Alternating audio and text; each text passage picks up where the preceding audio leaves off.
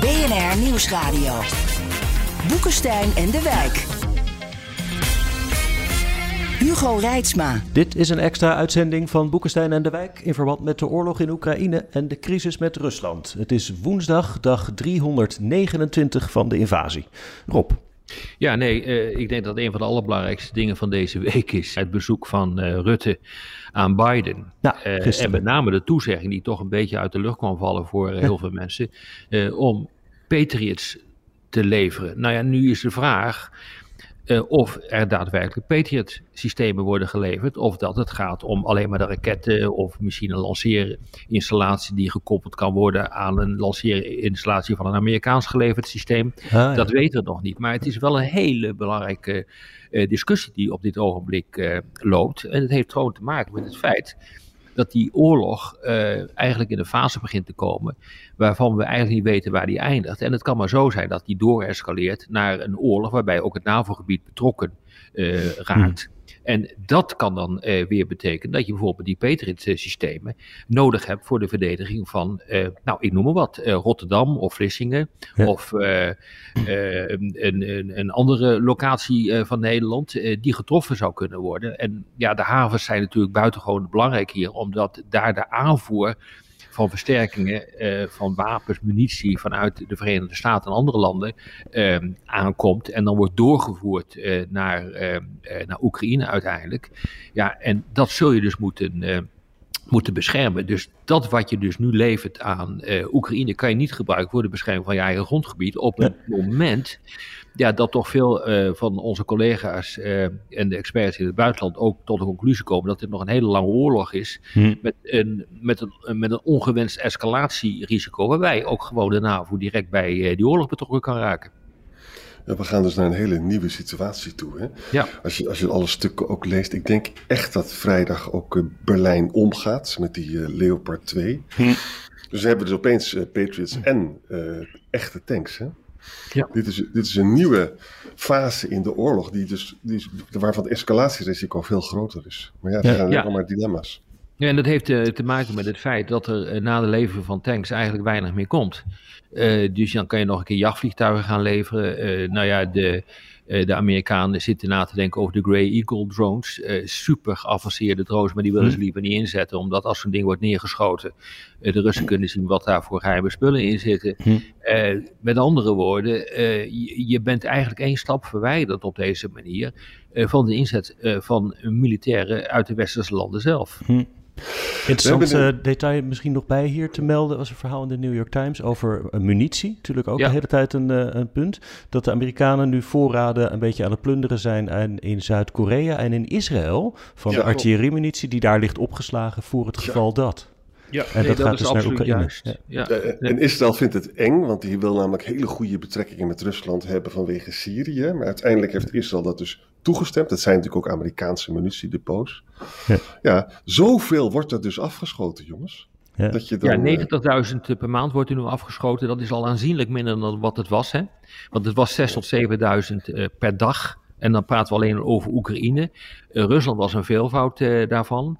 Uh, maar Rusland die heeft hetzelfde probleem. Hè? Dus we hebben al heel vaak gesproken over dat de wapenvoorraden en de munitievoorraden op aan het raken zijn. Nou, dat is dus ook gewoon zo. Dat blijkt nu. Het blijkt dus nu dat er steeds minder granaten worden ingezet.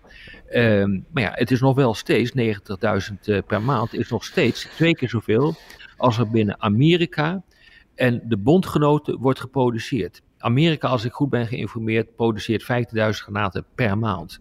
Nou, dan Ja. wordt nog ongeveer het dubbele uh, geproduceerd in een aantal andere uh, landen. Dus je komt gewoon structureel tekort. En er zijn al een miljoen granaten uh, aan Oekraïne geleverd. Ja. Dus je moet nu naar andere landen kijken. En dus de voorraden is, van Israël die worden nu aan, aangeboord. 300.000 granaten uh, schijnen nu uh, te worden gestuurd vanuit die voorraden. Maar er is ook een, een beroep gedaan op Korea. En die zendt 100.000 granaten. En er wordt ook een orders weggezet bij de industrie, ook in Korea, om ze te gaan maken. Ja. Nog even over die tanks. Uh, dat, ja. dat besluit kan dus vrijdag, meen ik, al vallen in ja. Ramstein bij die contactgroep. Maar daar moet dan een geheel verse Duitse minister van Defensie over beslissen. Ja, Iedereen is verbaasd. Hè? Boris Pistorius, een prachtige naam, is benoemd. Dat is dus een minister van Binnenlandse Zaken van de deelstaat Neder-Saxen. De beste man heeft geen internationale ervaring whatsoever. En hij is wel in dienst geweest 1980, 1981. Ja. Dat schiet lekker op. Ja, maar het was meer natuurlijk dan mevrouw Lambrecht kon zeggen. Hm. Nou weet je, politiek in Nederland werkt overigens ook zo. Je. Je, je benoemt iemand die je volstrekt vertrouwt en die volstrekt loyaal is aan de leider. En dat betekent niet noodzakelijkerwijs dat je ook heel veel expertise hebt op dat gebied. Hè? Bijvoorbeeld de ChristenUnie schoof Middelkoop naar voren. Hè? Dat was natuurlijk hmm. iemand die nou heel veel afwist van defensie. Hè? Nou, er zijn meerdere voorbeelden van. Het is wel eng, jongens, want uh, de christendemocraten, ja, die zijn natuurlijk vilijn genoeg. Hè? Die gaan gelijk overal zeggen, ja, de kanselier neemt zijn eigen Zeitenwende niet serieus. Hij wil dus 100 miljard extra uitgeven. En dan ga je iemand uit het B-team ga je naar voren zetten. Dat staat ook met grote chocoladeletters in de Financial Times. Leuk begin, hè? en, en de journalisten gaan zoeken. En Pistorius wilde in 2018 de sancties van Rusland uh, afschaffen. Want dat was ineffectief en het was ook heel slecht voor Duitsland zelf. Hè? Mhm. Dus die man begint met een vreselijke achterstand. Maar goed, het is, het is een goed bestuurder. Uh, en hij heeft uh, over de Oekraïne-oorlog alleen maar de juiste dingen gezegd de afgelopen twee jaar. Dus misschien komt het allemaal goed. Ja, en er werd gezegd, hij heeft verstand van de politie. En hij verstand van de politie. Dus kennelijk als je maar een uniform aan hebt en een dienst hebt die geuniformeerd is, dan heb je ook verstand van defensie. Oké, het zal wel. Tja, we hopen dat het goed gaat. Ja. Hey, we gaan vandaag een beetje snel door de materie heen, omdat we een beetje krap in de tijd zitten. Dus van Duitsland naar de Caucasus. Toch op? Ja. Nou ja, eh, wat, wat je ziet is natuurlijk echt fascinerend. Hè? We hebben uh, er wel eerder over gezegd van kijk, uh, gesproken over wat daar gebeurt tussen Armenië en Azerbeidzjan. Uh, dat gaat in belangrijke mate over de enclave Nagorno-Karabakh. Hm. Dat ligt in, dat is een, een, een enclave die gevuld is met Armeniërs en die ligt in Azerbeidzjan. En beide gebieden doen daar een, een beroep op. Die willen allebei dat gebied in in bezit nemen. Er zijn oorlogen overgevoerd die eigenlijk Azerbeidzjan, omdat het ook veel groter is dan Armenië, iedere keer wint. Uh, dan worden de staakt het vurens worden eraf uh, gekondigd en dan uh, spelen de Russen daar, en dat is interessant hoor, een redelijk neutrale rol in een aantal gevallen in. Proberen te komen tot de staakt het vuren. laatstelijk hebben ze ook nog een keer weer een vredesmacht daar gestationeerd om ervoor te zorgen dat de partijen niet elkaar wederom in de haren vliegen. Maar je ziet nu dat de Russen steeds meer problemen hebben uh, om daar de lieve vrede te bewaren dan wel af uh, te dwingen. Hmm. Uh, dit is niet een nieuw conflict, dat stamt al uit 1988 toen er een referendum is geweest. Toen heeft de Armeense bevolking in Nagorno-Karabakh gezegd van wij willen bij Armenië horen. En dat is eigenlijk gewoon de aanleiding geweest van alle shit waar we nu nog steeds in zitten. En nu zie je dus dat er weer problemen zijn. Um, en uh, vanaf uh, midden december uh, wordt een, een weg geblokkeerd die Nagorno-Karabakh met Armenië verbindt. En je zou denken, dan zullen die Russen weer wat gaan doen. Maar er gebeurt natuurlijk nu helemaal niks. Want nee, Putin nee. is veel te veel bezig ja. met die oorlog in Oekraïne. En, je, en nu is er verdenking erbij dat Azerbeidzjan uh, bezig is om gewoon te testen hoe ver ze kunnen gaan. En om alsnog gewoon het hele gebied uh, af te sluiten van Armenië. Ja, er zijn dus 2000 Russische peacekeepers daar, hè, ja. sinds 2020. En ja, de, de, weet je, de Azerbeidzjani zeggen, de Armeniërs zitten daar illegaal te minen. En die hebben dus gewoon, die activisten hebben dan die berg weg, hebben ze geblokkeerd. Die ertoe leidt uh, dat, uh, ja, dat, dat gewoon de, de, de supermarkten leeg raken en zo. Het is echt vreselijk. En ja. Rusland moet dus nu echt optreden, maar dat doet het dus niet. Hè? Ja, ja. Uh, en, maar het is heel pikant hè, wat hier aan de hand is. En daarom is het zo belangrijk. Dus aan de ene kant past het gewoon in de dynamiek die je zou verwachten van een leider, Poetin in dit geval, die dus ja, toch met zijn rug eh, tegen de muur staat en eigenlijk geen handen vrij meer heeft in andere hm. delen van het voormalige Sovjetrijk. Want hij moet orde op zaken stellen in, in, in Oekraïne. Je ziet dus dat, je ziet het ook gebeuren in Kazachstan, hè, waar ook hm. de onafhankelijkheid van, van Rusland steeds duidelijker zichtbaar wordt. Die maakt ook een draai in de richting van, van China. Maar voor ons, Europeanen, is niet onbelangrijk wat daar gebeurt. Want er is namelijk een hele grote deal geweest midden vorig jaar, 14 juli, als ik me wel weet te herinneren.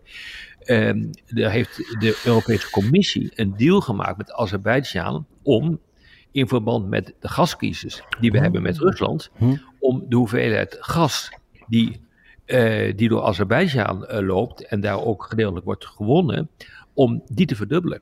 Dus uh, de Europese Unie die staat ook wat dat betreft met zijn rug tegen de buur. Want ja, die vindt natuurlijk allemaal heel verschrikkelijk wat er gebeurt. Azerbeidzjan moet worden gezegd, is gewoon de agressor. Dus we zitten nu ook een agressor te steunen mm-hmm. met, met, met gasimporten.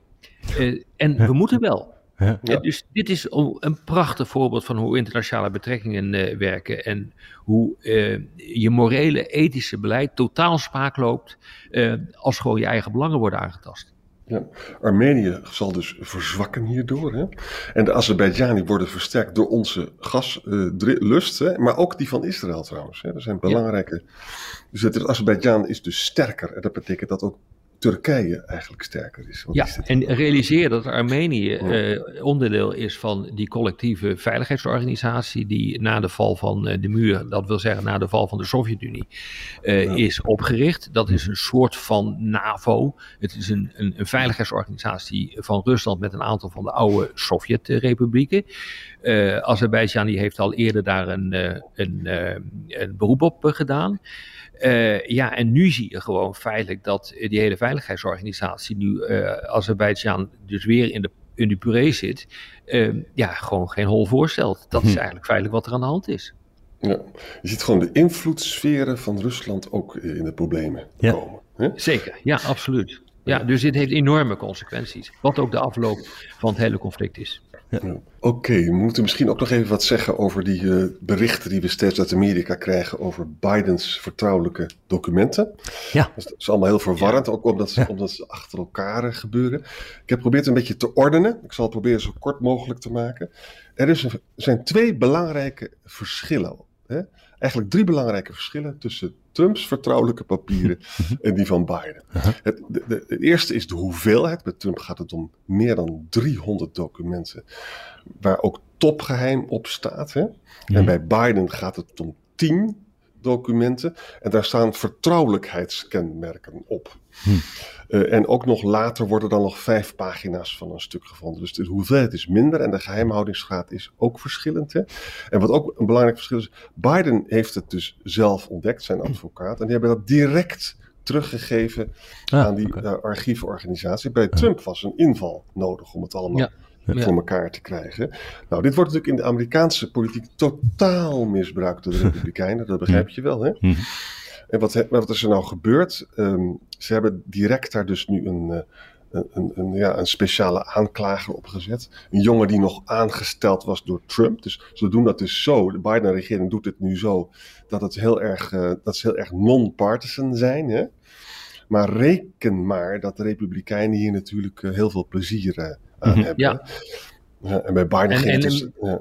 Sorry, uh, ja, nee, die, die, dat helemaal, helemaal waar. Wat, wat natuurlijk interessant is hier, waarom die papieren, zeker met een tamelijk geringe klassificatie als confidential, uh, waarom dat ineens zo'n zo opkoker wordt. Nou, ik heb zelf uh, meegemaakt, vele, vele malen, dat die Amerikanen zijn echt geobsedeerd met ja. veiligheidsregels. Uh, echt geobsedeerd. Hmm. Het is wel voorgekomen dat iemand kwam uit de Verenigde Staten. Die had ook een stapeltje van dat soort documenten bij zich. En het eerste wat hij vroeg binnen is hier een kluis. Waar ja. kan ik die dingen opbergen? Huh? Nou, uh, de, dat zou een Europeaan niet doen. Uh, die laat er gewoon in zijn tas zitten en die zorgt ervoor dat die tas niet slingert. Uh, maar die Amerikanen zijn echt heel erg geobsedeerd door die klassificatie, door die veiligheid. Hm. Want ze weten dat de repercussies van het laten slingeren, hm. enorm en dat die enorm zijn. dus juridisch ligt dat echt een stuk anders dan in Europa. Kijk, hier mag het ook niet. En hier moet je er ook uh, voorzichtig mee omspringen. Maar het is echt van een andere orde dan uh, in Amerika. Ja, ja, is de Presidential Records Act. Hè? En dat, dat betekent ja. dat een voormalig vicepresident of een president... die mag absoluut geen vertrouwelijke stukken nog in zijn eigen bezit hebben. Nee, maar dat mag in Nederland natuurlijk ook ja. niet. Ja. Want als je die laat uitleggen, dan staat er natuurlijk op zich ook een, een, een, straf op. maar, maar confidentieel, nou ja, goed, er is zo ontzettend veel confidentieel. uh, dat er bijna geen begin aan is. Maar ja, er worden natuurlijk overal in heel, uh, binnen de hele NAVO worden uh, dat soort documenten mee naar huis genomen. alleen met top secret moet je wel echt verschrikkelijk uitkijken, eigenlijk ook met geheim. Maar hij heeft het dus zelf ontdekt, dat, dat, dat had ik nog niet gehoord. Ik dacht een beetje van, oh, is dit misschien het nieuwe, hè, de, de nieuwe republikeinse meerderheid in het huis, die, die hier dingetjes gaat proberen, dat je straks ook een onderzoek krijgt naar Hunter Biden en dat allemaal Tuurlijk. van dat soort dingen geprobeerd gaat worden om uh, de regering, uh, het regeren onmogelijk te maken. Ja, maar uiteindelijk is dit dus door Biden zelf. Uh, Hij was wel laat hoor, want ze, ze vroegen de advocaten van hem hadden het gevonden. Die hebben goed gehandeld. Maar Biden heeft er een beetje te laat over gesproken. In 10 januari in Mexico City werd hij geïnterviewd. En hij sprak hij niet over die garage-documenten, weet je, van Wilmington, van zijn eigen residentie. Hè. Dat is natuurlijk onhandig. Maar 12 januari bevestigt dat dan wel. En dan 14 januari, ja, we hebben nog vijf pagina's gevonden in de garage. Want dan gaan dus advocaten gaan dat allemaal uitzoeken. Hm. Want dat moet dus allemaal kloppen. Dus Amerika is ook een lawyer paradise. Ja. Ja. Ja. ja, het heeft er inderdaad mee te maken. Oké. Ja. Hey, ik moet jullie voor vandaag alweer bedanken. En we spreken elkaar morgen verder. Tot, morgen.